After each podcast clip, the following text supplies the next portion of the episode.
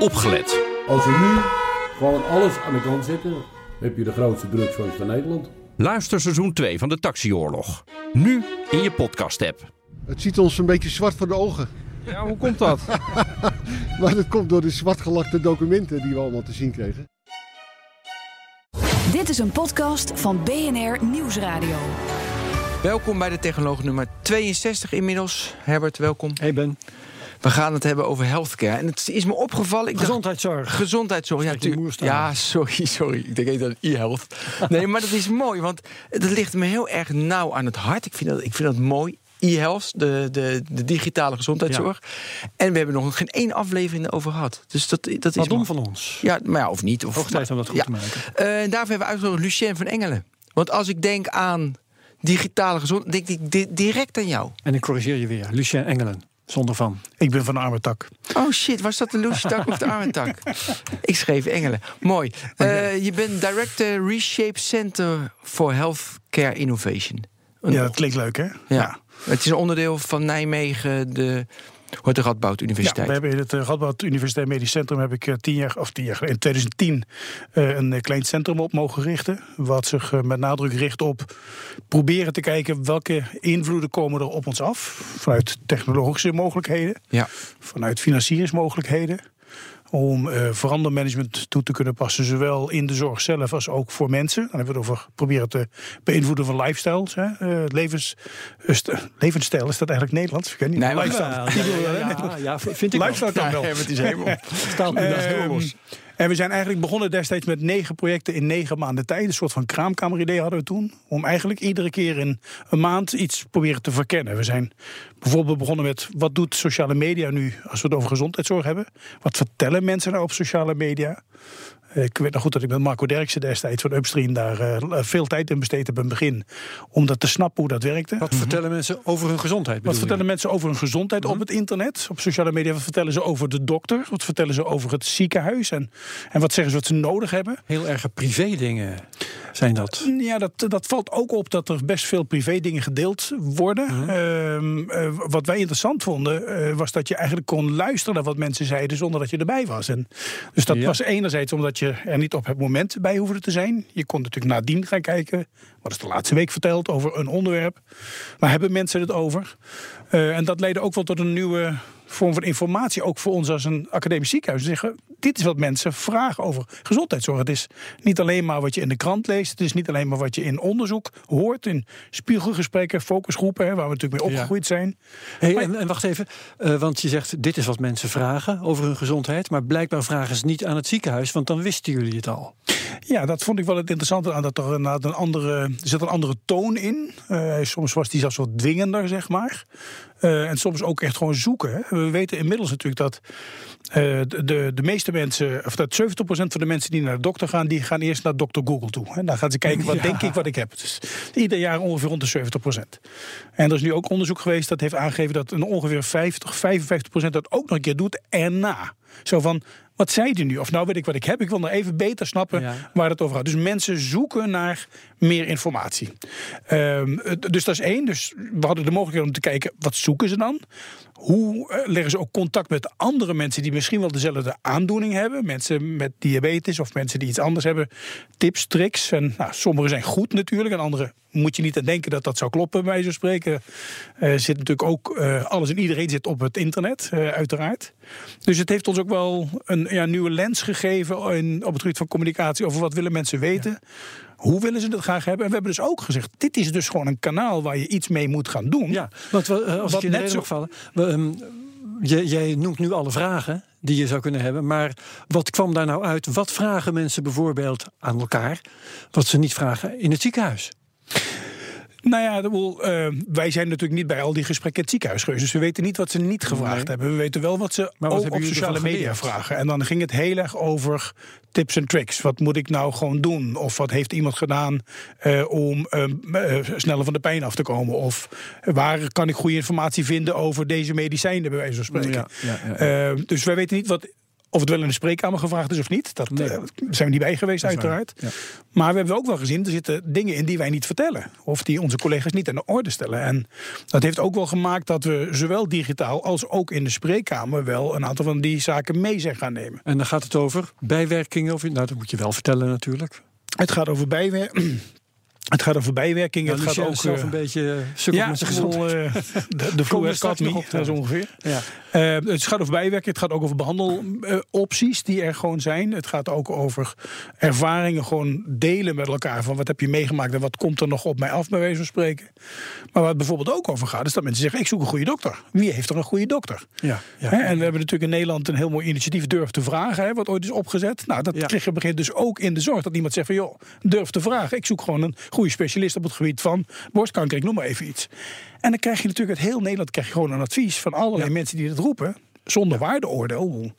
Hè, daar zit Terwijl geen... een, een bepaald ziekenhuis, en jij zit bij een bepaald ziekenhuis, het Radboud, eh, zal niet zeggen: Oh, we weten een goede specialist op het gebied van, nou ja, terrein X, en die zit in Groningen. Nee, jullie sturen iemand naar een specialist in je eigen ziekenhuis over het algemeen. Nou, nee, nee, ik hou ervan te geloven dat dat niet zo is. Nee, Eh. Ik denk dat inmiddels zijn we met z'n allen wel zover dat we echt wel weten waar de echte specialisten op vlakken zitten. Dat is natuurlijk voor gewoon normale behandeling, zeg maar, als ik het zo mag noemen, van een aandoening die vaak voorkomt, eh, dan kun je dat uiteraard gewoon zelf aan. Maar Ja, specifiek ja, ja. is, dan wordt echt doorverwezen naar de specialist in Nederland of erbuiten. Wat wel interessant is, schoot net even door mijn hoofd toen je dat zei, dit gebeurt in Amerika dus wel, hè? Dan stelt dus een patiënt een vraag op sociale media en dan duiken daar een aantal ziekenhuizen op en zeggen, nou, wij hebben de beste. Komt u vooral. En dat kun je in Nederland dus gelukkig zo bijna nog steeds niet voorstellen dat we dat zouden doen. Dus voor ons was de link naar sociale media heel erg leren van wat is nou, wat, wat vertellen ze nu, wat zoeken ze nu, kunnen we daar onze communicatie op aanpassen eh, en proberen daar gewoon stappen te zetten en ook digitaal bereikbaar te zijn. Zoals we ook bereikbaar zijn via de telefoon en ook via de e-mail hè, voor algemene vragen en ook gewoon in real life natuurlijk. Is het voor ons ook een nieuw kanaal geworden. We zijn daar toen vrij vroeg mee begonnen. Nou, vervolgens kreeg je allerlei lijstjes van wie dan het beste was. En nou, dat ging dan Ja. over de meeste volgers en zo. Een beetje onzinnige is dat te discussie. maar- managen als organisatie? Want eh, je kunt jezelf wel opleggen dat je eh, iemand aan de telefoon moet hebben en iemand aan Twitter en een heel webcare-team, Facebook, noem maar op. En eh, nou ja, eh, sms, WhatsApp, je kunt je overal wel, wel willen zitten, maar dat kan toch niet? Nou ja, ik vind om te beginnen dat je dat wel zou moeten. Eh, want dit Hmm. beschrijft ook exact de struggle die we hebben gehad in dat kader. Van hoe ga je daarmee om? En ook welke snelheid. En, en het is natuurlijk niet zo, ondanks het feit dat sociale media snel is, dat wij op iedere vraag gelijk antwoord moeten geven. Want zo'n Twitter-account kwam natuurlijk bij de afdeling communicatie binnen. Ja, Ja. Die hebben met alle respect geen verstand van oncologie. Dus die moesten dat wel even navragen om het juiste antwoord te kunnen geven. Dus het heeft ook te maken met verwachtingen managen. Dat je zegt, joh, ik kan hier niet gelijk antwoord op geven. We zoeken het uit, komen wij terug. Dat maakt ook dat je dus niet 24 uur per dag iemand achter het Twitter-kanaal moet eh, hebben zitten. En dat je ook daar de juiste verwachting naar de mensen toe moet geven. Ehm, en dat het niet iets is wat je voor een acute vraag op een gegeven moment gewoon neer moet leggen. En inmiddels, we zijn nu zeven, zes jaar verder, zeg maar. Ja, is dat gewoon standaard? Eh, zijn we net Zijn zo... er vragen veranderd? De vragen zijn ook wel veranderd. eh, in die zin dat ehm, eh, je ziet dat, het, ehm, dat mensen gewoon echt niet alleen maar een antwoord willen hebben, maar ze willen gewoon een link hebben, zeg maar. Dus wij merken ook dat vragen die gesteld worden, nemen we ook alweer op onze website op. En zodat we daarna kunnen verwijzen. We zijn eigenlijk een soort van machine learning zelf aan het doen, om even zo uit te drukken. Dat je iets wat je geleerd hebt ook weer gelijk meeneemt. Om het voor de volgende keer beter te maken voor de mensen. Ja. En dat is wel een proces. Ehm, en en ehm, ja, de vragen zijn in die zin anders dat ze ehm, meer zijn over hoe kan ik met mijn aandoening omgaan. En in het begin was het ook nog wel zo van ja, wel, mijn vader of moeder heeft iets, want kunnen jullie bepalen wat dat is? Ja, dat kan natuurlijk gewoon helemaal niet. Dat is natuurlijk onzin. Maar dat doen ze op social media, dus dat doen ze in het openbaar. Ja, in het openbaar. En mind you, er zijn op Facebook iets van wereldwijd 6 miljoen besloten groepen voor mensen die daar over hun aandoening met elkaar in private groepen zitten. Dan moet je natuurlijk ook niet onderschatten wat daar op die manier gebeurt. Dus het is enerzijds is het en plein publiek. Anderzijds is het onder water, eh, om het zo uit te drukken. Daarnaast heb je natuurlijk ook nog voor heel veel aandoeningen... dat een ziekenhuis of een patiëntvereniging zijn eigen portal heeft... waar ze dat ook nog een keer doen. Hè? Dus, Ja. dus mensen zoeken wel... Weet je, ik, ik zeg altijd maar, ik hoop dat mensen gewoon een plek vinden om hun vraag kwijt te kunnen... die Ja. op een goede manier beantwoord worden. En of dat nou bij ons is, of dat dat nou op Facebook is... of bij, bij een patiëntvereniging. Als het maar het goede antwoord is, is prima. Je moet natuurlijk wel zorgen dat daar eh, een, een grondslag onder ligt. Hè? Mhm. Eh, je weet niet wie dat antwoord geeft. Als Pietje Puk 112 jou een antwoord geeft, ja, je weet niet of het klopt. Dus Nee.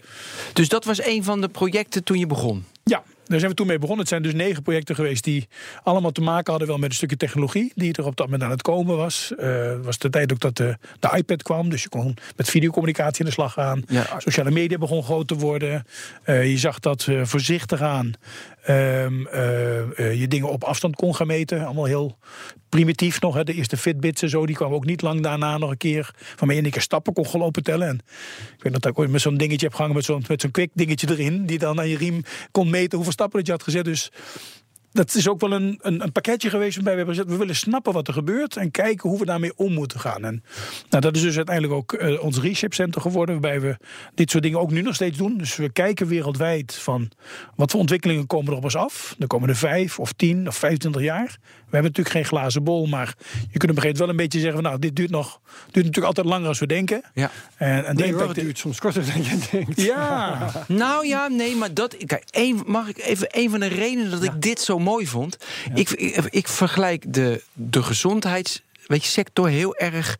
Je bent zes jaar bezig. En als ik kijk wat er nu daadwerkelijk. Weet je, ik hoor al zes jaar. Nou, het gaat exponentieel. Ja. Gaat de gezondheidszorg groeien. Het gaat nu, gebeuren, nu gebeuren. Herbert, als jij naar een gewoon ziekenhuis gaat. Gewoon in Goorkom of in Harderwijk. Het is allemaal nog. Nou ja, echt Ja, al ja. zes jaar Maar geleden. Ik zeg, ik zeg ook helemaal niet dat het altijd sneller gaat. Nee. nee, het gaat soms sneller denkt. En het valt mij ook op dat heel veel dingen die voorspeld zijn. eh, ik kan een hele lijst, want ik, ik hou daar dus echt een lijst van bij. Hè. Maar eh, bijvoorbeeld de microrobotjes in je bloedsomloop. Nou ja, eh, wat mij betreft, ik denk dat dat nog wel een paar decennia duurt voor we daar aan toe Ja, zijn. nee, maar dit, vraagt natuurlijk om een reactie. Eh, kijk, er zijn denk ik een paar dingen. Ehm, natuurlijk zijn we met z'n allen goed om te voorspellen... wat er allemaal van ongelooflijke grootse meeslepende dingen op ons afkomen. Microrobotjes in je bloed en zo. Ik geloof het ook best wel dat het gaat gebeuren, maar het duurt ook even. Het is een beetje afhankelijk welk onderzoek je gelooft. Maar het duurt tussen de 7 en de 17 jaar... voordat iets in de gezondheidszorg mainstream omarmd is, zeg maar. Het moet ook uit en ten gecheckt en Dat vergeet gecontroleerd. maar you, en- hè? Je kunt niet Ja. gewoon zomaar even iets doen. Dus eh, een beetje onderzoek zit je al vier jaar in de wedstrijd. Dan muizen. heb je nog niks, dit soort dingen. Dus, dus dat is één kant van het verhaal. Tweede is, laten we het ook niet te complex maken. Hè? Jij had het straks even over e-health. Ik, ik, ik, ik noem het graag digitale gezondheidszorg. Bewust omdat ik niet iets aparts wil laten zijn. Want je ziet nu dat Ja. het een beetje in een aparte hoek gezet wordt. En dan moet er een aparte financiering. En, Nee, en wat we vroeger met kwaliteitsmanagement hebben gehad... is dan dat bureautje daar. Dus het moet, Het moet geïmplementeerd het is onderdeel zijn. van. Ja. En wat je nu toch ziet, en ik ben in die zin dus niet helemaal met je eens. eh, we hebben twee weken geleden hadden we in Nederland de tweede nationale e-health-week.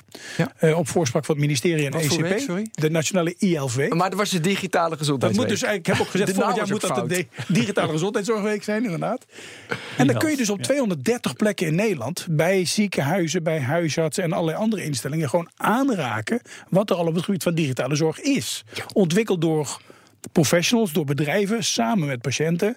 Het jaar daarvoor waren dat er nog honderd of zoiets. Dus ik vind wel dat het.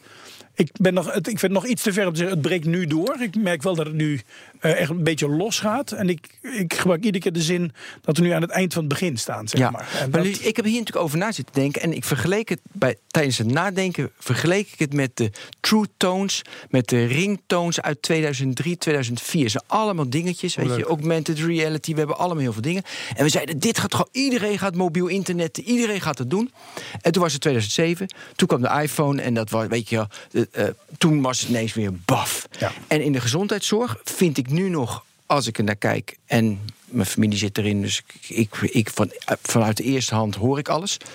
En dan zie ik allemaal probeersels, dingetjes, mooie presentaties, maar echt geïmplementeerd. Daar hebben we een, de iPhone nodig die de mobiel internet kwam. Dus, en dat is dus dat er minder frictie was. Weet je, het was een mooie telefoon, de flat fee met data. eh, nou, dat waren de ele- brand was belangrijk. Dus er waren zijn elementen waardoor mobiel internet ineens knalde. Dus mijn vraag is: wat gaat nu dat er, wat moet er gebeuren in de gezondheid dat het gaat knallen? Dat al jouw experimentjes en leuke mooi, weet je, mooie dingetjes. Ja, Ja, en daarbij even, nog uh, zelfs kinderachtig misschien, definitie van e-health. Want Ja. Het is al een heel breed begrip. Nou, daarom noem ik het ook heel graag digitale gezondheidszorg. Dan hebben we de Ja. definitie gelijk gehad. Het is gezondheidszorg, maar dan digitaal. En of dat nou gaat Ja, over het feit dat jij... tevreden.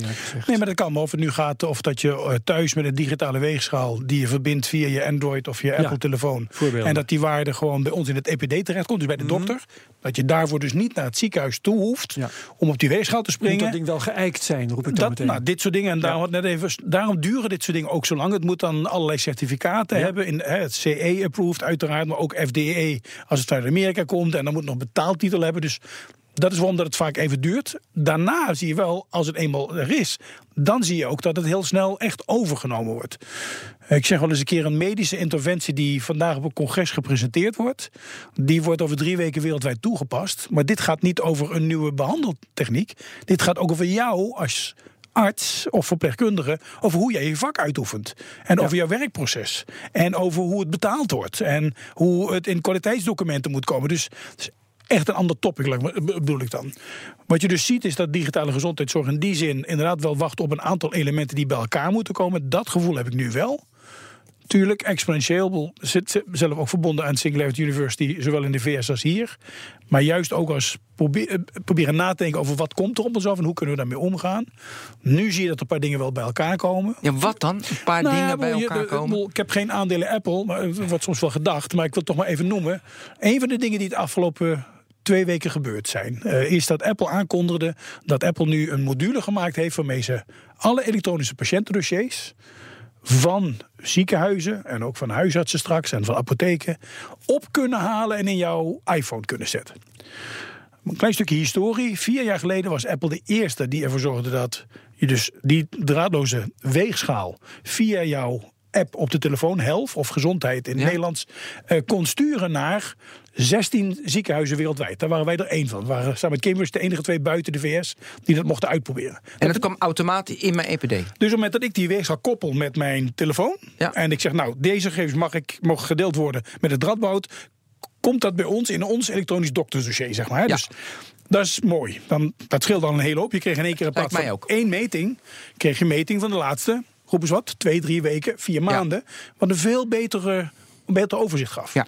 Wat Apple nu gedaan heeft, hebben ze gezegd: oké, nou doen we hetzelfde, maar nou de andere kant op. Dus alle gegevens die in ons doktersdossier staan, waarvan we zeggen die mogen gedeeld worden. We hebben natuurlijk ons eigen portal al, dus dat, die hele slag om te kijken wat delen we met patiënten en wat niet, hebben we al gemaakt. Kun je dus nu ook, of nu straks, het is nu alleen naar de VS, ook via je iPhone weer bij elkaar zitten. En dan ben je als patiënt de enige, nog een keer de enige die het totaal overzicht heeft van allemaal die gegevens. Ja. Want nu zit alles, het zit bij het ziekenhuis A waar je onder behandeling Weet bent. ik. En je bent bij de universiteit de behandeling. En je bent ook nog een keer bij de huisarts. En niemand heeft dat overzicht. Lucien, weet je hoe blij ik hiervan word? Verschrikkelijk blij. Ik word enthousiast. Ik wil het morgen. Ik snap dat het goed is. Ik zie geen nadelen, ook niet met privacy. Het is een 10. En twee jaar geleden was er een ander voorbeeld bij een digitaal gezondheidspraatje. En toen was er een. En er was ook een 10. En dan toch in de praktijk, en dat valt me zo tegen. Nee, maar wat je dus ziet ben is, en, en daarom ben ik zo blij met het feit dat een partij als Apple dit doet. Eh, weet je, die hebben natuurlijk wel die hebben marktmacht. Macht. En die hebben, eh, die hebben rijkwijde. Hè? Die hebben natuurlijk heel veel gebruikers die dat nu aanhoeven. Dus ik, ik geef vaak lezingen en dan eh, standaard vraag ik dan eigenlijk altijd aan de mensen in de zaal wie er een iPhone heeft. Nou, over het algemeen zijn het mensen die. eh 80% heeft een iPhone in zijn zak bij die lezingen. Dat is een beetje zo 7 tot 80. Bepaald publiek, ja. Nee, oké, helder. Eh, en, zeg en wie heeft nou Apple's Health Kit uitgezet? En dan kijkt iedereen elkaar aan. Ze- Uitgezet, Apple's Health Kit, hoezo dan? het staat default aan. Dit. Dus wat je nu ziet is dat heel veel mensen dit al aan het doen zijn. En ze weten dat ze stappen bijhouden. En ze weten hoeveel trappen dat ze lopen en op. Maar hebben dus niet de notie dat dat iets met hun gezondheidszorg te maken heeft. En als zo'n partij als Apple dit dus nu doet. En eigenlijk nu de toon in de markt zet. Want eigenlijk hadden allemaal die EPD-leveranciers dit natuurlijk al lang moeten, Lang doen. moeten doen. Maar die verkoop je gewoon voor een ton en koppeling. En bij het andere ziekenhuis weer een keer voor een ton en koppeling. En zo gaat. Dus ik gun het ze van harte. Alleen, dit kan niet langer doorgaan in deze wereld, anno 2018, waarbij we alles al gedeeld hebben. En ik vergelijk het wel eens een keer met de bank. Dat je naar eh, de bank toe gaat en tegen de bankmedewerker zegt: Ik wil graag mijn saldo zien. En dat hij de armen over elkaar zegt: Nee, nee, nee, nee, nee, daar kunt u niet mee omgaan. Beste Herbert, dat gaat allemaal niet lukken. Want weet je wel wat allemaal fout kan gaan? Dat doen we in de zorg. En je hebt het recht om je gegevens op te mogen halen bij wet. Dan moet je betalen. En dan dat, en dus wat er nu gaat gebeuren, en ik maak één klein uitstapje naar de GDPR. Ehm een van de goede dingen, los van allerlei mist die nog rondom die GDPR hangt, vind ik, is dat daar nu in geregeld wordt op Europees niveau. Je Dat de dataportabiliteit. patiënt eh, die data mee moet kunnen nemen, dat is één. Twee, dat de patiënt de gegevens op al die plekken zonder, nou komt hij zonder dat hij daarvoor vraagt, automatisch aangeboden krijgt en kan zeggen ja, ik wil. Ja. Dus het is even iets anders van nu. Ik moet ergens naartoe gaan om te vragen dat dat zo is. En drie is dat er dus inderdaad gewoon op internationaal level gewoon deelbaar moet gaan worden. Nou, als je dus dit nu koppelt met wat zo'n partij als Apple doet, die al compatible is met die wet en regelgeving, Ja. die allemaal die standaarden al in zich heeft, kun je je voorstellen dat die tien, die twee keer die tien waar jij net over had, dat ik nu wel denk, maar misschien meer hopen dan denken, van laat het alsjeblieft nou gebeuren. Ja, dat hoop ik ook. Maar nou ik weer even. Ja. Ja, ik heb er ook nog één, maar vertel. Nou ja, ik heb iets te zeiken, natuurlijk. Ehm, want ik, ik snap heel goed dat, dat hier mogelijkheden liggen. Maar eh, er zijn, eh, wat betreft, nou, ik, ik noem jou, eh, ik, ik hoor jou stappentellers noemen. En en, en ik weet ook dat de Fitbit, die had een, had, heeft een eh heart, rate monitor. Ik weet even niet hoe ik dat in het Nederlands kan zeggen. Een hartslag. Hartslagmeter. Hartslagmeter. Ja, eh notoor onnauwkeurig. Dat is tot daar toe kun je zeggen dat kun je verbeteren. Ehm, maar vooralsnog zijn ze notoor onnauwkeurig. En dan heb je eh, dat andere ding waar we het net over hadden. eh, patiënten kunnen thuis wegen. En dat kan hup het EPD in. Eh, als je dat in een ziekenhuis doet of bij een huisarts, dan wordt erop gelet dat mensen hun kleren uittrekken. Of in elk geval ehm, een eh, normaal eh, eh, aandeel van hun kleren aanhouden, dat het gestandaardiseerd is, zeg maar. Terwijl een patiënt die dat thuis doet, die eet zich de ene keer vol voordat hij zich weegt. En de andere keer houdt hij zijn schoenen aan terwijl hij zich weegt. En die cijfers zeggen daar helemaal niks over. Dus ook dat is notoor onnauwkeurig. En zie het maar eens zo te regelen dat je dat verbetert. dat is niet een kwestie van voorschriften uitvaardigen. Nee, nee. Dat is niet een kwestie van een techniek verbeteren. Dat is iets heel erg moeilijks. Nou ja, ik ben blij dat je dit eh, ter sprake brengt, eh, Herbert. Eh, want dit, dit, aard is spot on. Alleen, ik, het is niet notoir onnauwkeurig. De vraag is even, wat zoek je? Als je echt zoekt naar exacte getallen... die ik moet kunnen vergelijken tussen het gewicht in een ziekenhuis... Nee, je zoekt vergelijkbare getallen. En dat is nou, dat is, dat, is, dat is dus de vraag. Je zou namelijk ook kunnen zeggen: wat ik zoek is een trend. Weet je, als ik Ja. twee metingen heb, dan wil ik inderdaad exacte getallen hebben.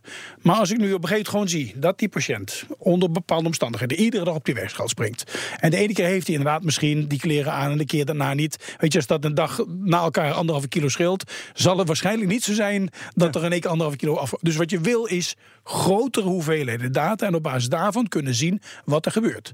Waarom ik dit belangrijk vind, is dat we twee discussies hebben gehad in huis. A. Laten we even bloeddruk pakken, een andere waarde. Welke bloeddruk wil je hebben?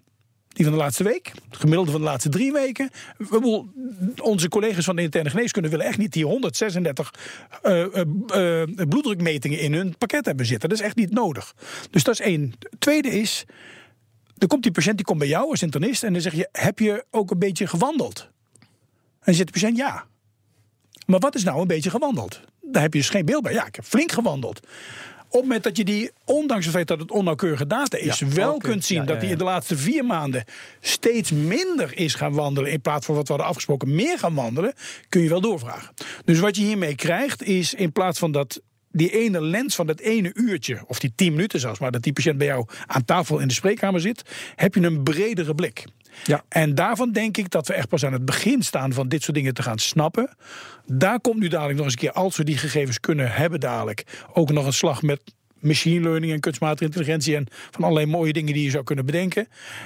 Wat misschien wel het hele denken en doen over aandoeningen, hoe ze ontstaan zijn en hoe we ze op kunnen lossen, misschien wel gaat veranderen. Ik, ik weet het niet, we gaan het meemaken. Dit boek wordt nu geschreven, denk ik. Ja, ja. oké. Ehm, je je had net over dat mensen zelf de verantwoordelijkheid krijgen over data.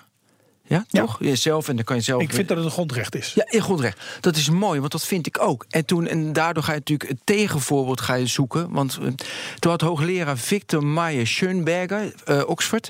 En die heeft nu dat boek geschreven. Ik heb het nog, nog niet gelezen, net uitgekomen. De data-economie. En die zegt, en dat, daarom, omdat hij dat zei in een interview in de NRC. Dat de mensen dat helemaal niet aankunnen. Dus hij zegt, de overheden moeten veel beter toezien. Weet je, veel beter toezien wat wel en niet mag. Daarom GDPR en dat moet bijna nog strenger. Want de massa, kijk, jij kan dat aannemen en jij, Lucien, maar heel heel veel mensen, die kunnen dat niet bevatten. Ik vind dat het onderschatten van de mensheid. Maar ik dacht van, toen ging, daar heb ik toch wel weer flink over na zitten denken. Is het, Het, bedoel, ik ga daar niks tegen inbrengen, want ik ben het met hem eens. Dat is één. Maar Bedoel, zie en- dat ook, Nou, nee, ik bedoel, een, dus een deel van de mensen, dat, dat is wat, zoals ik het anders zie, een deel van de mensen kan daar niet mee omgaan, geloof ik. Maar laat ik een andere vraag stellen. Als Mhm. wij, zoals hier nu zitten met z'n drieën, een behandeling of een medicijn bedenken vandaag, wat voor 20% van de bevolking werkt, wat doen we dan? Eh, als Dan we gaan we toch gewoon mee aan de slag, moment dat je dat voor die 20% Ja. van de mensen op kan lossen. Nu terug naar deze discussie. Als maar 20% van de mensheid Ja? die hiermee aan de slag zou kunnen gaan, hier baat bij Ja. heeft. En daardoor komt hij minder naar het ziekenhuis hoeft, betere levensstijl, lifestyle erop na gaat houden. En dat soort zaken, dan gaan we het toch gewoon alsjeblieft doen, hoop ik. Kijk, we hebben natuurlijk ook gezien, en ik pak nu een telefoon in mijn hand, dat de eerste telefoons, die werden alleen maar gekocht door de juppen. Voor heel veel geld. En inmiddels heeft gewoon, geloof in Nederland... innovators, early, Eh, wel, ja, dus- early adapters enzovoort. Ehm, wat je gaat zien is dat we uiteindelijk ook op een andere manier gaan communiceren. Dat we beter weten hoe we mensen kunnen adresseren in het verhaal. Tweede wat er gebeurt, mensen worden ook beter opgeleid in het omgaan hiermee. Kijk ook even hoe makkelijk dingen gemaakt worden. Zoals de iPad in de ouderenzorg was natuurlijk gewoon de hit. Ja. Dat mensen op hogere leeftijd nou en ik allemaal een iPad hebben. Of een, of een, een eh, eh, ik zeg eens een keer, de eerste Rolling Stone fans komen nu in verzorgingsthuizen terecht. Hè, met, een, met een laptop zo groot als een koelkast. Ja. Maar die hebben gewoon die hebben verbinding, die mensen. En doordat het steeds makkelijker wordt, wordt het ook makkelijker eh, bruikbaar. En, Ja. en dat gaan we wel meemaken, denk ik. Even, eh, we hadden het net over, of veel eerder, minuten geleden, over dat het best wel lang duurt. Toen zei je ja, van 7 tot 12 moet onderzoek komen. Maar ik zoek natuurlijk ook naar mogelijkheden waardoor het wel versneld kan worden. Apple heb je, heb je al als voorbeeld gegeven, want, ja, die maakt het, eh, want, eh, want die maakt het frictieloos, dus dat is natuurlijk prettig. Heb je nog meer voorbeelden? Dit gebeurt nu, waardoor de versnelling wel gaat komen? Nou ja, ik bedoel, ik zit nu zeg maar z- zeven jaar in de wedstrijd, althans in deze rol. En we hebben natuurlijk van alles geprobeerd. Hou vol, hè, deze Ja, rol. ja, ja, ja, Niet opgeven. Nee, nee, nee. Ik heb een beetje de seven year itch. Maar hoort er ook Nee, even bij. Doorzetten. nee, maar even terug. ehm, eh, dus we hebben wel een aantal dingen geprobeerd. Eh, en we hebben natuurlijk gekeken. Weet je, ons trucje, als ik het even onderbiedig mag noemen, is technologie. Er zijn natuurlijk een hele hoop mensen en ook wetenschappers die gebruiken eh, kwaliteit van zorg als de manier om de zorg te veranderen. Of veiligheid, of betaalbaarheid. Ons trucje is Processen, procedures. dit, hè? Als je nog geen eh, lean certificaat hebt of als je nog niet terwijl je healthcare green belt bent, dan nou, weet je, allemaal goed. Ik reken het echt allemaal goed. En, maar wij hebben het met techniek gedaan. We laten zien wat er ongeveer aankomt en we dromen een beetje hard op en zeggen, nou stel je nou eens voor dat dit morgen zo is dat je het kunt gebruiken. Dan moet je af en toe een beetje de mazzel hebben dat in die zeven jaar dat ook gebeurt. Ik was de eerste in Europa eh, die zo'n stripje had van AliveCore wat je achter op je telefoon kon plakken. En moest je twee duimen ophouden. En dan kon je een ECG'tje maken, en een hartfilmpje. Dus ik heb dat gelijk laten zien bij ons op de hartafdeling. Die zei, nou, dan is de tent te klein, het kan niet en het werkt niet en het is onzin en gadgets. Ja, het is niet... Dit hè, gaan we mee. Dus nu spoel ik de band even vier jaar vooruit. Eh, maand of zes geleden. Focus Cura, cardiologiecentrum eh, Nederland hier in Amsterdam. Samen met eh verzekeraar Mensis maken het tot verzekerde zorg. Want het is inmiddels allemaal al goedgekeurd en noem maar op. Dus vier jaar later ontploft dit gewoon werkelijk. Dus je moet soms een beetje mazzel hebben. Dus wat je nu ziet is... Ja, maar hoe krijg je nu voor elkaar? Dat is een pilotproject nu dus hier in Amsterdam. Dat Nee, is geen pilot meer. Nou, geen pilot, ze doen het hier in het ziekenhuis. Maar dat het zo algemeen is dat alle cardiologen in alle ziekenhuizen in de wereld... Maar wat is dan precies je, dat is- verzekerde zorg geworden? Dat mensen eh, zo'n stripje krijgen op hun telefoon om hun eigen hartfilmpje En te dat maken? de dokter die er naar kijkt ook betaald krijgt dat hij ernaar gekeken heeft. Want nu is het bij wet nog steeds zo dat je moet aan de tafel zitten bij ons. En, en, en, en je moet iets doen en daarvoor krijg je betaald. Je krijgt betaald voor iets wat gedaan Dus een wordt. Dokter kan mij nu voorschrijven dat ik Ja. de spullen krijg om eh thuis hartfilmpjes En te je dat ook op afstand kunnen monitoren. Nou, Ja, even nu, ja. nu terug naar dit voorbeeld. Ik, ik pak hem zo even nog iets, ander, iets breder op.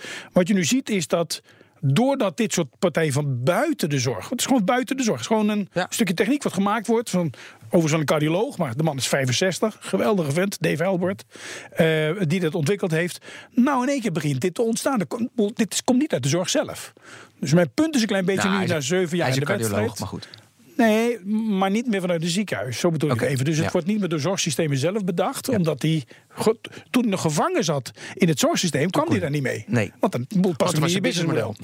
Eh, dus eh, wat je nu ziet is dat prikkels van buiten de zorg, zoals nu zo'n Apple of een hele andere, ook van afgelopen week Amazon en, eh, en JP Morgan Daar wil ik het straks over hebben, ja. ja. die aankondigen dat ze voor hun medewerkers, dat zijn er dan stiekem toch meer dan een miljoen, zeg maar, zelf gezondheidszorg gaan bouwen. Gebouwd op laagcomplexe technologie en makkelijk bereikbaar in de buurt. Allemaal van dat soort dingen. Kunnen we daar wat meer over vertellen.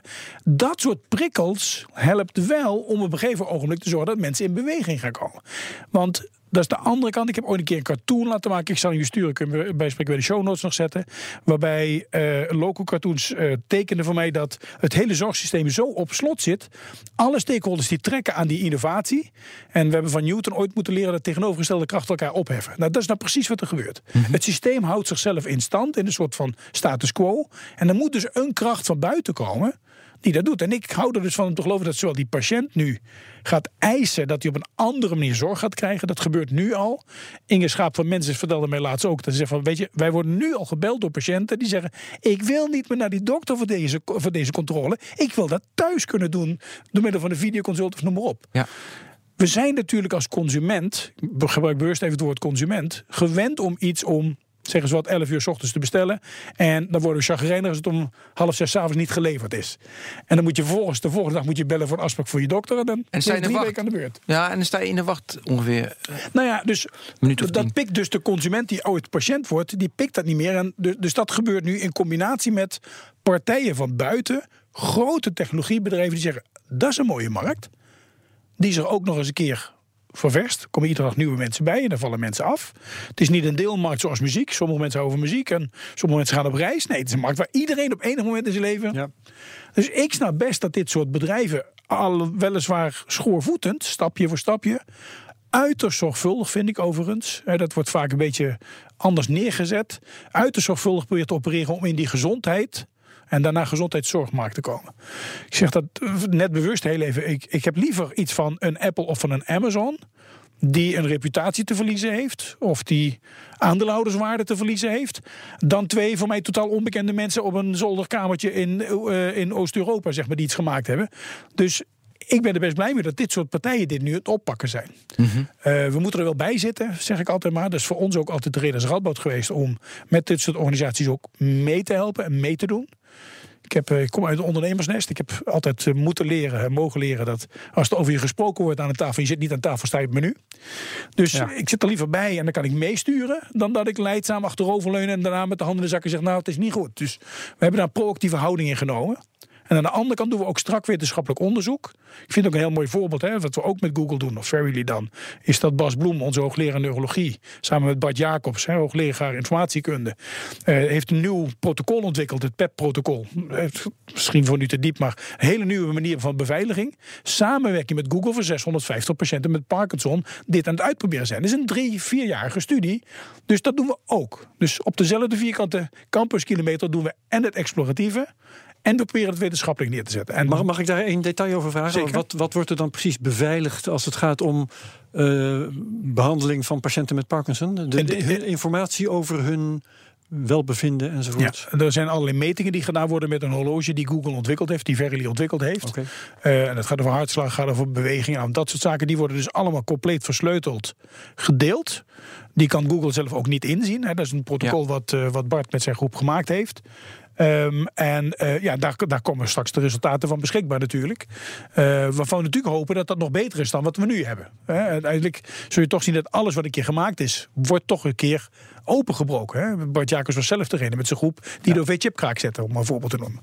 Maar ik ben nog steeds benieuwd hoe die ECG in dat ziekenhuis in Amsterdam, nu ook het UMC, Erasmus. Ja, wat je nu ziet is dat verzekeraars druk gaan uitoefenen. Hè. Dat merk je dus nu. Ze zeggen, ja, je, hoeft nou niet nog een keer opnieuw een pilot te gaan starten. Dit is bewezen, we hebben onderzoek, onderzoeksresultaten. Natuurlijk toch nog steeds de Bijbel in, eh, in, in, in gezondheidsland. Eh, de- je ziet dat mensen eraan wennen. Die gaan kijken bij hun collega en zeggen, oh, dat is wel handig, kan ik ook. Derde wat je ziet plaatsvinden nu is dat mensen nu voorzichtig aan ook gaan meemaken dat het inderdaad drukker wordt. Die, die dubbele vergrijzing, zeg maar, gaat er ook toe leiden dadelijk dat je in plaats van acht patiënten in je poli, dan nou in één keer 16 hebt. Wat is dubbele vergrijzing?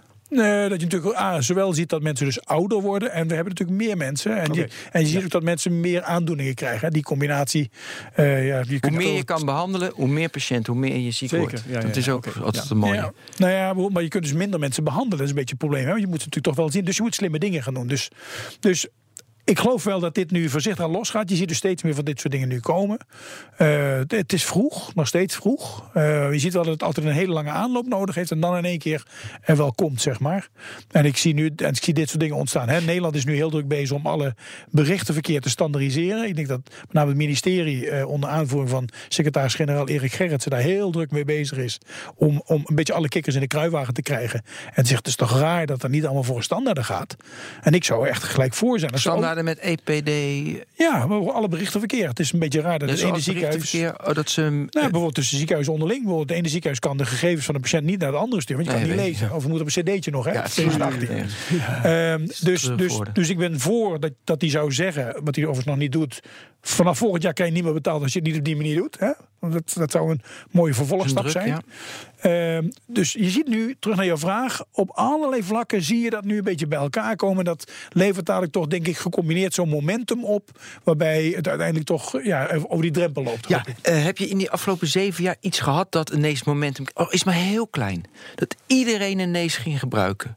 In de gezondheidszorg, een voorbeeld. Nou ja, er zijn, ik ja, weet je, het ja, gaat niet eens echt over gezondheidszorg. Als je het gewoon nu terug naar de maatschappelijke beweging eh, kijkt. Kijk naar de telefoons. Kijk naar de Ja, smartphone. maar ik, ik wilde hem even specifieker Maar die dus ook, als het gaat over gezondheidszorg. Kijk naar hoe mensen die hun workout of die rennen of die fietsen Ja, en dat klopt. Dat is natuurlijk dat is niet gezondheidszorg. Eh, het we moeten vooral over gezondheid hebben. Hè. Onze, We hebben een heel mooi mission statement als Radboud eh, UMC. To have a significant impact on healthcare. En ik heb altijd een beetje strijd met de raad van bestuur. Ik zeg, joh, je moet dat care doorstreven. Ja, want we moeten ja. een impact op health, op Dus ook gezondheid hebben. Preventie. Preventie. Dus hè, Ja. ik denk dat dat een ongelooflijk belangrijk is in dat kader. En daar gaan we ook wel naartoe. Dus in die zin is de komst ook van een, van een mobiele telefonie en een netwerk. Hè, want het gaat breder dan alleen de telefoon. Dat je altijd overal iets op kunt zoeken of beschikbaar hebt. Mhm. Ja, is natuurlijk ook wel zoiets. Daarnaast denk ik ook dat er ook een moment geweest is. De komst van het internet zelf. Hè. En dan heb ik het met name even over, over Google. Hè. Pak dat voorbeeld maar heel even. Ja, zoek wat je zei begin. Eh, Wikipedia is de meest gebruikte bron op het internet als het gaat over gezondheidszorg.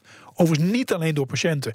Ook door professionals. Als ze het even niet helemaal weten en zeggen, nou, kijken ze zowel in hun vakgebied. PubMed. als- nou ja, dit, Maar hè. wordt verwenst door huisartsen. Hè? Al die patiënten die op het spreekuur komen en al weten wat ze hebben. Nou ja, weet je, je zal het ook maar meemaken hebben dat je ze 17 jaar lang gestudeerd hebt. En dan komt iemand er binnen en zegt: Ik weet wel wat ik heb, maar ik Ja. kom bij jou voor second opinion. Ja, bedoel, die snap ik ook. ik wil dit medicijn, want dat... eh, Ja, En, dan, en dan heb je misschien ook nog de pech. Dan heb je twee.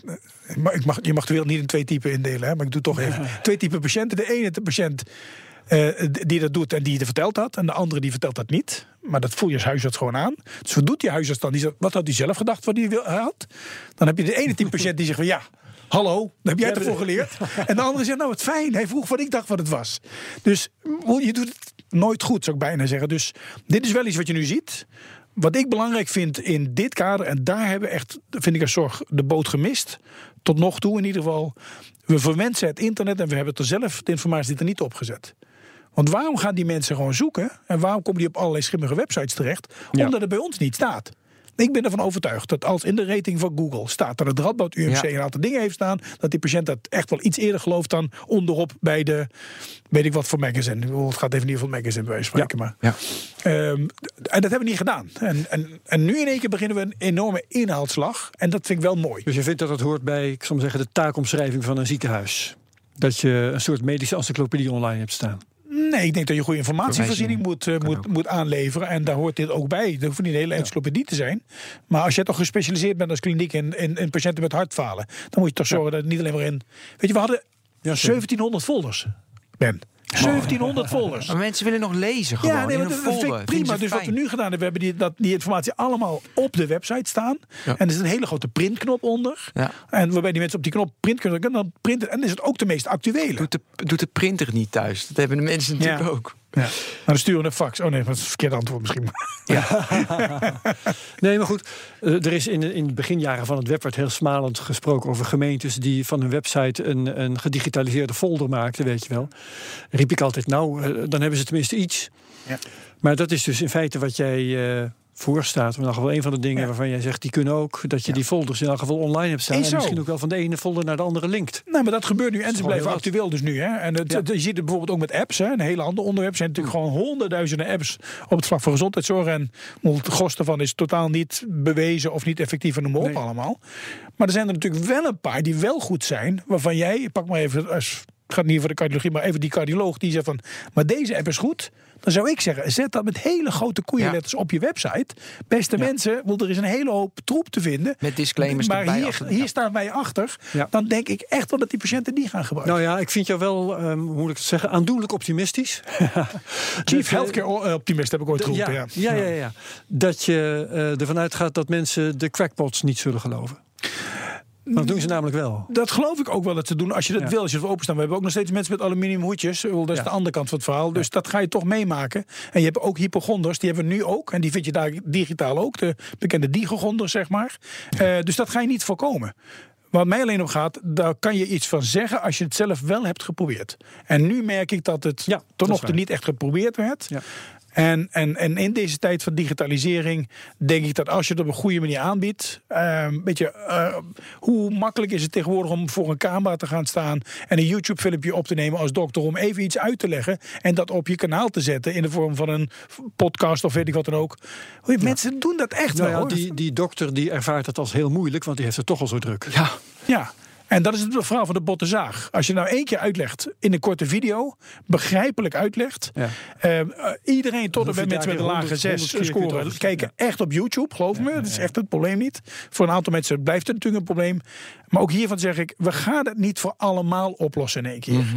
Maar als we het voor die bekende 20% of voor die 30% of voor die 50% oplossen en daarmee tijd vrij spelen om de mensen die het niet kunnen beter te helpen, dan doen we dat toch gewoon. ja. Anders gezegd, jij zegt het opnemen van zo'n filmpje kost de dokter geen tijd, het bespaart hem tijd. Uiteindelijk. Ja. ja. Nou, kijk jij moeilijk ben. ja, nou ja, weet je, dat is ik, mijn werk hier. Maar ik zie in de praktijk, zie ik gewoon, eh, weet je, als iemand van 18 tot 30 die, die zeg maar dokter gaan worden, die zitten zo verschrikkelijk vast in een hiërarchisch systeem, Ja. in een systeem uit 1920. In een, in, in, weet je, nergens tijd voor, van 's morgens vroeg tot 's avonds laat werken, innovatie, technologie.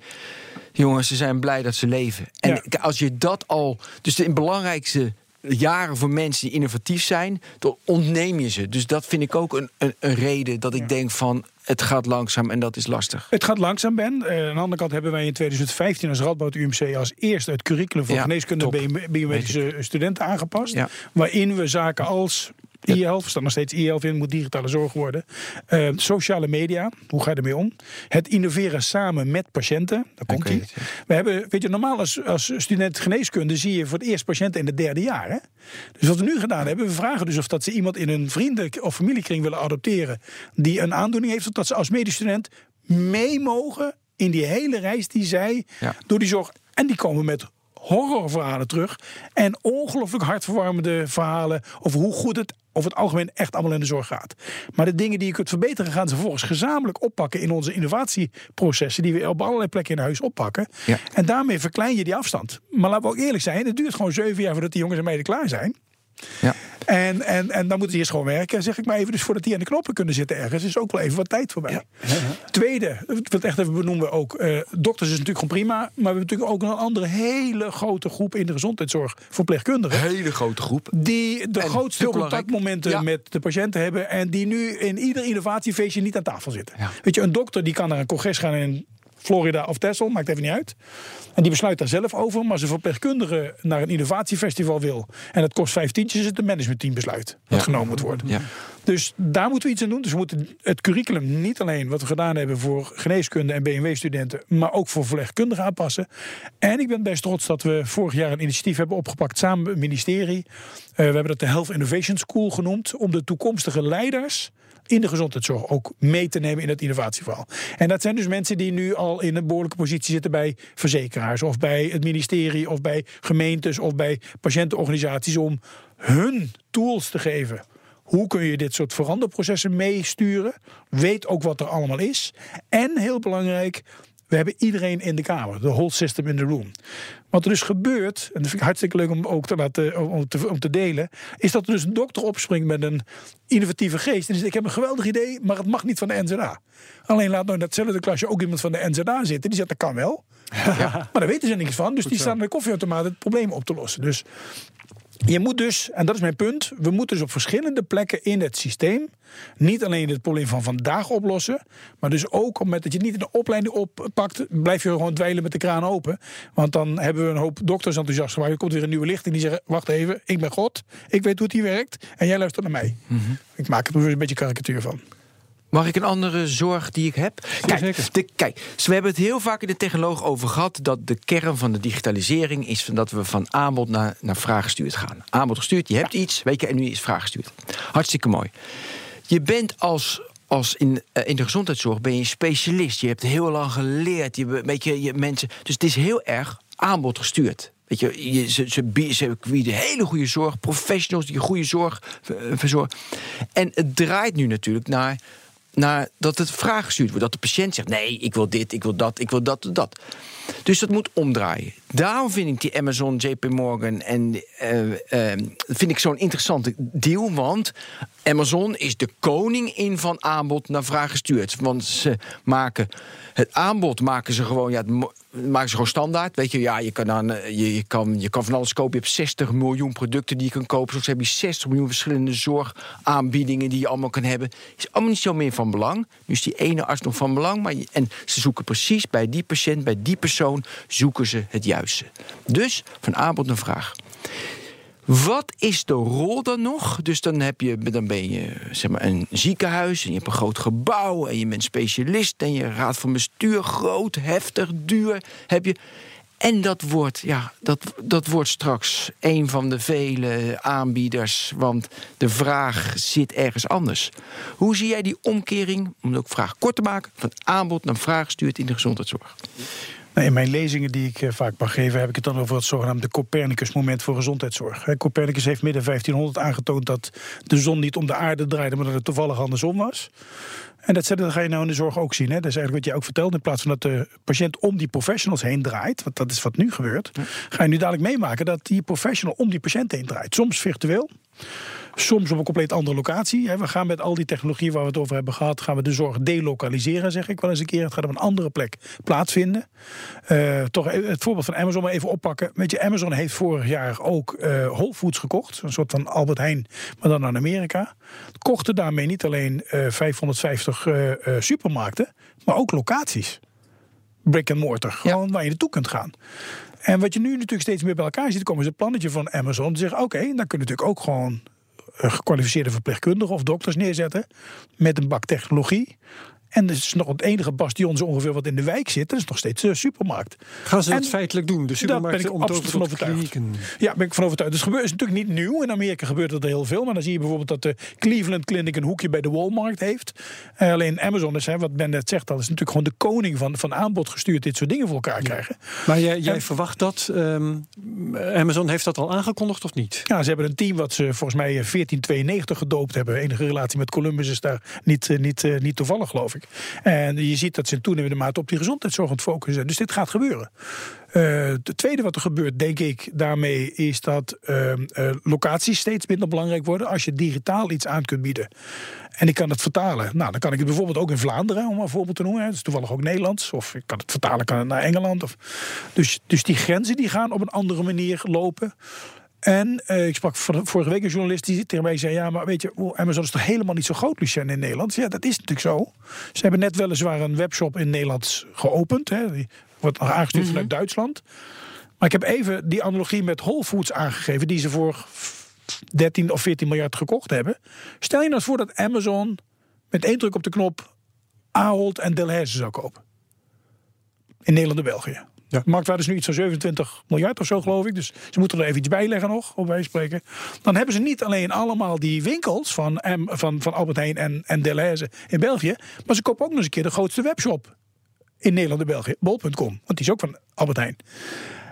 Ik vind dat geen onrealistisch scenario. Het is natuurlijk een beetje hemelfietsen wat ik nu doe. Ja. Maar als je de bewegingen een beetje bekijkt. Hè, ze hebben een apothekerslicentie. Ze zijn de koning ook van hè, het thuis kunnen bezorgen en dingen organiseren. Je gaat dadelijk via Alexa zeggen: Joh, Alexa, mijn pillen zijn op. En die zegt van nou, ik bestel ze even voor je. Ze komen over 10 minuten voor. Dus ze hebben voor jou in, de, in, je, in je gang neergezet. Want dat is het andere wat er gebeurt. Ja, maar wat je dus ziet van een aanbodgestuurde wereld, van een vraaggestuurde wereld, dan zie je dus dat je of voor de massa moet gaan of voor de niche moet gaan. Ja, Nee, ik denk beide.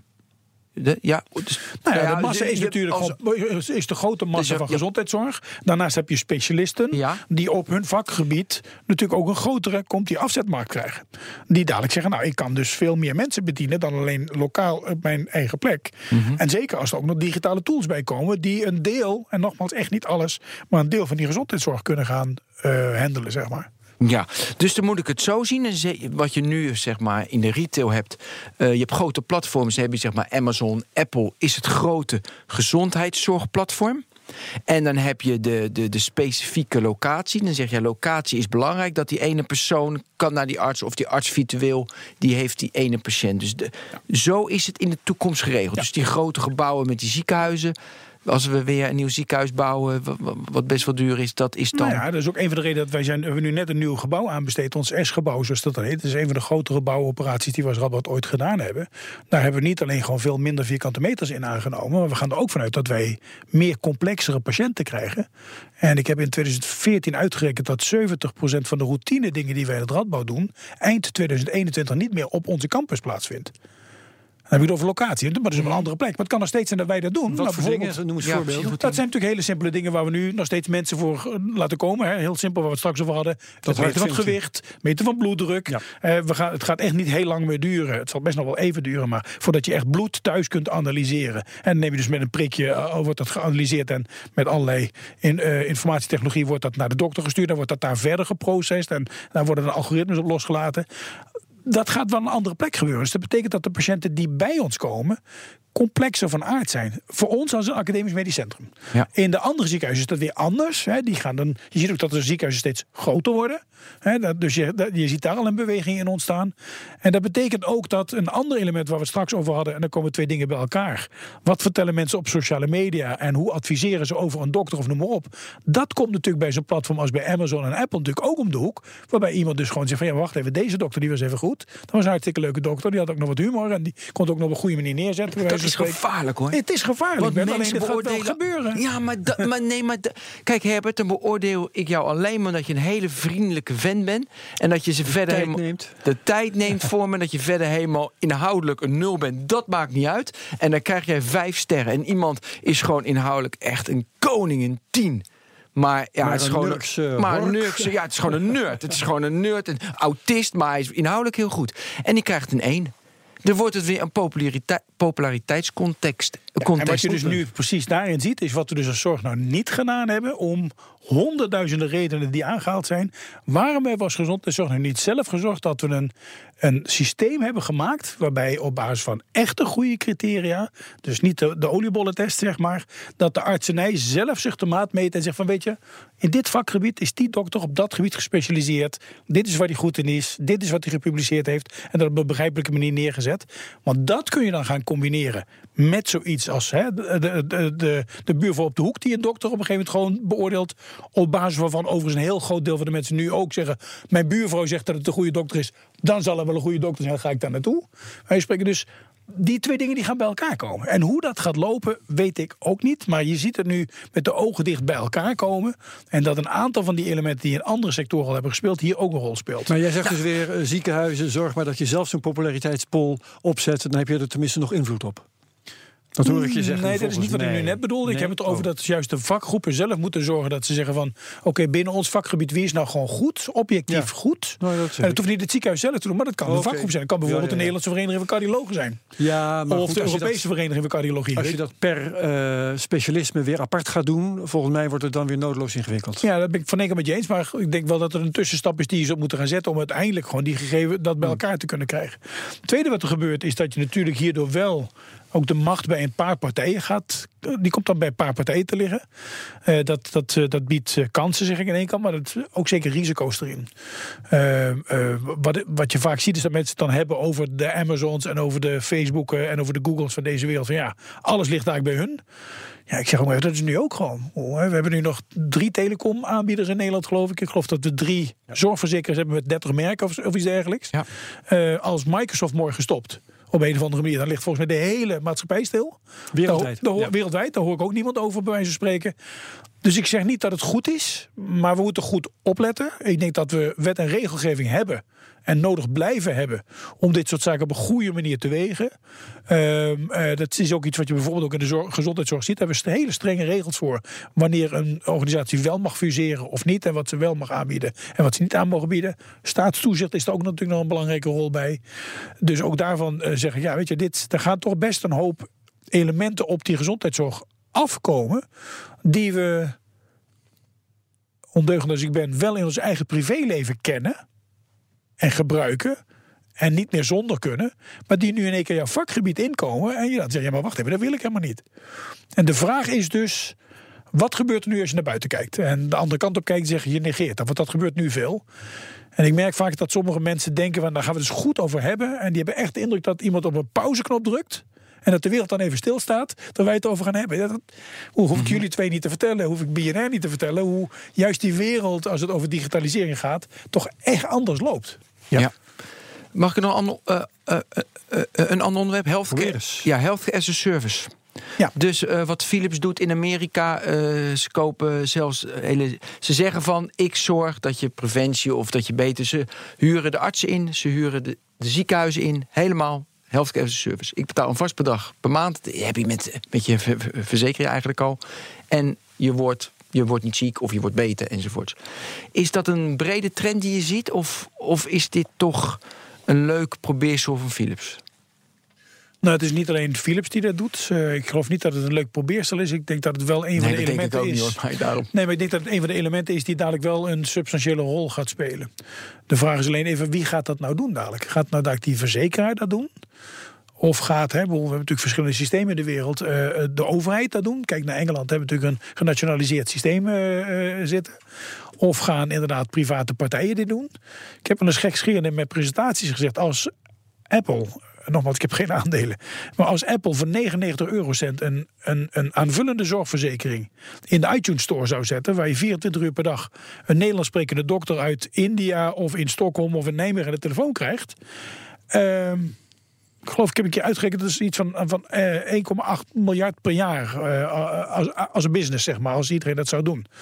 Ik vind het helemaal niet zo raar dat dat gaat gebeuren. Overigens, drie maanden later kondigde Alibaba aan.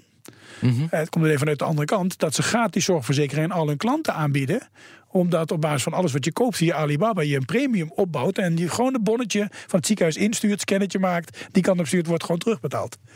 Dus, dit is wat, dus, dus dit wat je nu ziet, dit is nu het gebeuren. Ja. As we speak. Het is nog klein en het wordt steeds groter. Ehm, de- vraag is weer welke partijen gaan dit doen. Eh, gaan daar inderdaad de techgiganten dit doen? Gaan verzekeraars worden die heel groot? Gaan verzekeraars ziekenhuizen kopen? In Amerika kennen we natuurlijk Kaiser Permanente, wat een combinatie is van aan de ene kant zorgverzekeraar, aan de andere kant leveren ze gezondheidszorg, hebben ar- artsen in eigen dienst, kunnen daarmee ook sturen op gezondheid. Dus zij zien heel nadrukkelijk de impact van preventie. Dus die steken ongelooflijk zwaar in op het preventieve stuk van het verhaal. Dus ik denk dat echt, volgens mij moet je het zo samenvatten, ik denk dat alles wel gaat schuiven. Ja, maar dat vind ik wel wat. Alles schuiven, ja, oké. Maar Nee. alles, alles en Nee, schuiven. maar alles. Ik bedoel daarmee te zeggen, het gaat schuiven op het gebied van technologie, de mogelijkheden. Het gaat schuiven op de businessmodellen. Ja, het gaat schuiven kosten, op het ja. gebied van machtsverschuiving. Het gaat verschuiven van aanbod naar vraag gestuurd. Zo bedoel ik het. Dus Ja. ik, ik wilde even ehm eh de aandacht en zorg vragen, juist ook voor zowel de professionals als ook de bestuurders in de zorg. Dit is geen, dit is geen sinecure wat op je af gaat komen nu. Wil- je wil nu een nieuw ziekenhuis gaan bouwen omdat het ziekenhuis te klein is, zeg maar. Maar dan komt er een bank langs. Ja, dat is leuk, maar ga, waarom bouw je dan niet de helft? Want het gaat allemaal anders dadelijk. Bij wijze van spreken. Of dan heb je dat als bestuur net gesnapt en dan komt je raad van toezicht langs en ja, hallo, moet je daar weer investeren in technologie? Dat had Kunnen je ziekenhuizen vier jaar kleiner geleden ook gedaan. vol- volgens jou? Sorry? Kunnen ziekenhuizen kleiner worden? Klein in en de agile. Nou ja, ik bedoel, ik, ja, daar kan ik drie antwoorden op geven. Eén, ik denk, ja, dat kunnen ze zeker. Er zullen grotere ziekenhuizen komen en er zullen kleinere ziekenhuizen Oh, komen. ja. En die kleinere ziekenhuizen zitten dadelijk volgens mij in die, in, in die supermarkt. Dat worden echt Oh, kleinere klinieken. Eh, Het tweede wat je ziet ontstaan is dat eh, er inderdaad een slag gaat komen met, met megaziekenhuizen. Hè, waar je niet alleen hoog gespecialiseerd, maar ook hoog volume zult kunnen gaan doen. En of dat nou in Nederland is of daarbuiten, kun je ook gewoon de vraag stellen of dat, dat eh, gaat plaatsvinden. Eh, dus, dus ik denk, denk zeker dat dat gaat gebeuren. Ja. Dus go big or niche. Dus daar komen we dan weer op uit. Ja, en ik denk dus dat het NN wordt. En even nog over de macht. Dus de macht gaat naar de platformen, zeg jij. Waar zit de macht nu echt bij de verzekeringen? Ja, in Nederland dan. Ik moet Ja. even... Ehm, dat roepen we vaak. Hè? Ja, maar Eh, maar, wat zou er nou gebeuren als alle artsen in Nederland zo zeggen: "Maar we pikken dit niet? Dan geloof ik niet dat het gewoon doorgaat. Hè? Dat zien we natuurlijk wel vaker. Dan gaan er een aantal partijen het Malieveld op. En dan lukt het toch. Dus we, we wijzen heel vaak naar de verzekeraar of naar de overheid. Maar ik denk dat we als gezondheidszorgsector zelf professionals en ook bestuurders gewoon echt zelf meer macht hebben dan we denken. Maar je moet het wel doen. Maar er wordt wel heel vaak naar de ander gewezen. Hè. Als je het over innovatie hebt, dan merk ik heel vaak dat men zegt dat de ander moet veranderen. Hè. Wij doen het goed met een andere afdeling. Ja. Eh, en, en nog zo'n zo'n platgeslagen cliché, hè, dat, dat iedereen wil innoveren, maar niemand wil veranderen. Dus het, wordt, het wijzen naar is wel, dat doen we wel graag in de zorg. Terwijl ik juist zeg, nou weet je, ga het nou gewoon doen. Er is meer experimenteerruimte dan je vaak denkt. Er zijn ook gewoon regelingen voor, ook een financiering. Waarvan, waarvan een hele hoop mensen niet eens weten dat het bestaat. Dus Ja. het ligt ook een klein beetje aan jezelf, zou ik bijna zeggen. Oké. Hebben het nog dingen? Ja, ik heb nog één vraag. Mag ik, je Eh, even, ik wil nou echt antwoord geven op jouw vraag. Waar gaat de macht naartoe? Ben ik echt van overtuigd dat hij naar de patiënt gaat. Oh, ik was al. Ik, Mooi. ik had in mijn hoofd had ik al die gaat naar, eh, eh, naar Amazon en Nee. Apple. Maar jij Nee, zegt maar naar de die- patiënt. Die, patiënt gaat daar dus kiezen. En die kiest misschien wel voor ja, een platform. omdat, het, omdat het dus vraag gestuurd Omdat wordt. hij- dus dan is het altijd, dan is het Ja. altijd naar de patiënt. En alleen nu kan Klopt. dat niet omdat hij de informatie niet heeft. Dat is nu het veranderen. Ja. Nu kan het niet omdat hij naar locatie moet. Dat gaat veranderen. Nu kan het niet omdat het niet digitaal is. Dat is het veranderen gebeurt ook. En nu kan het niet Hele omdat goeie, het een verdienmodel is wat hij niet snapt. Eens. Ja, mooi. Mijn vraag is: jij bent vorig jaar een paar maanden uit de running geweest. Je was overwerkt, om het maar eens even lekker ouderwets te zeggen.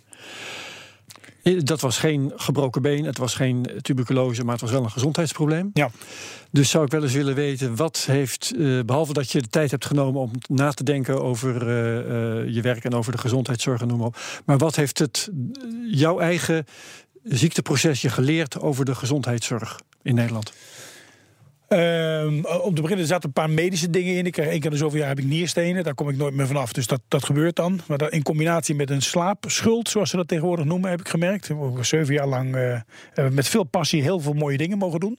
Eh, ook veel weerstand moeten handelen. Moeten we ons ook realiseren. Want Het is niet het verhaal wat iedereen wil horen. En wordt natuurlijk ook vaak weggezet als knipperende lampjes en shiny logo's. En, maar dan missen ze echt de hele maatschappelijke ontwikkeling rondom dit soort dingen. Eh, op een gegeven moment daar inderdaad tegenaan gelopen. Ik zei van, weet je, nou moet ik echt even iets in gaan halen. Wat me dat gebracht heeft, Herbert, is dat ik... Ik had iets van 300 of 400 artikelen ooit nog eens opgeslagen in Pocket. Van, Ja. die moet ik nog eens een keer gaan lezen. Dus daar ben ik weer begonnen. Nee, dat, dat, snap ik wel. Maar ehm, heb jij eh, in dat proces ook met de gezondheidszorg Ja. te maken gehad als patiënt? Nou, En wat heeft dat je opgeleverd Ja. aan kennis? Inzicht. eh, Nou ja, bedoel, de, inzicht? de- de- twee dingen. Eh, Als patiënt eh, met nierstenen, maar dat ben ik inmiddels gewend. En dan zie ik alleen maar dat er ongelooflijk mooie gezondheidszorg is. Waarbij mensen, en met name ook op verpleegkundig vlak en ook de artsen, echt de tijd nemen voor je en het op een goede manier voor elkaar weten te brengen. Op het gebied van informatievoorziening is er nog steeds gewoon een hele wereld te winnen in dat Ja. kader. Dat blijf ik gewoon bij. Dat zie je nog steeds. Eh, en dat dat daarnaast ook, als je als patiënt wat ik al zeg, ik heb nu een paar keer mee mogen maken, als ik even zo uit mag drukken. Zie je ook allerlei kanten die zeggen van waarom doen we dit nou op deze manier? Het is 2018. Oké, voorbeeld?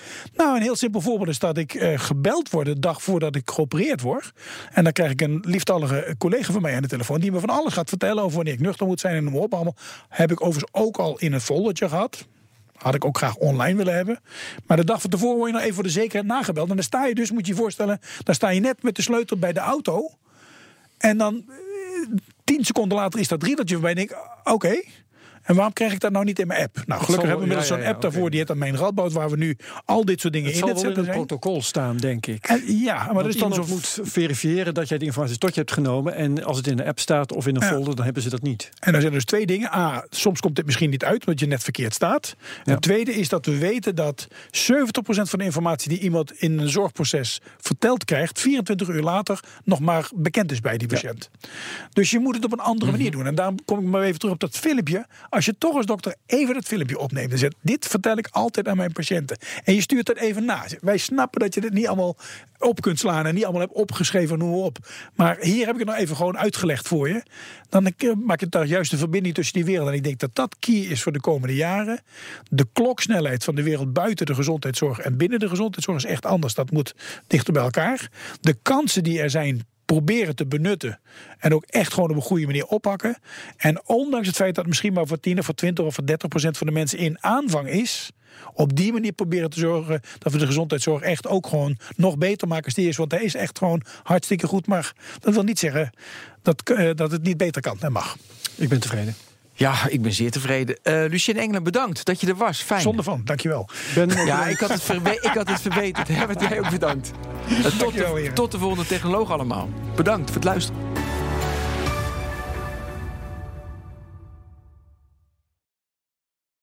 Ook Liesbeth Staats vind je in de BNR-app. Ja, heel handig. Luister live naar Kees en mij tijdens de Daily Move. Dan blijf je ook gelijk op de hoogte van breaking news en het laatste zakelijke nieuws. En daar vind je ook alle BNR-podcasts, waaronder de Perestrooikast. Download nu de gratis BNR-app en blijf scherp.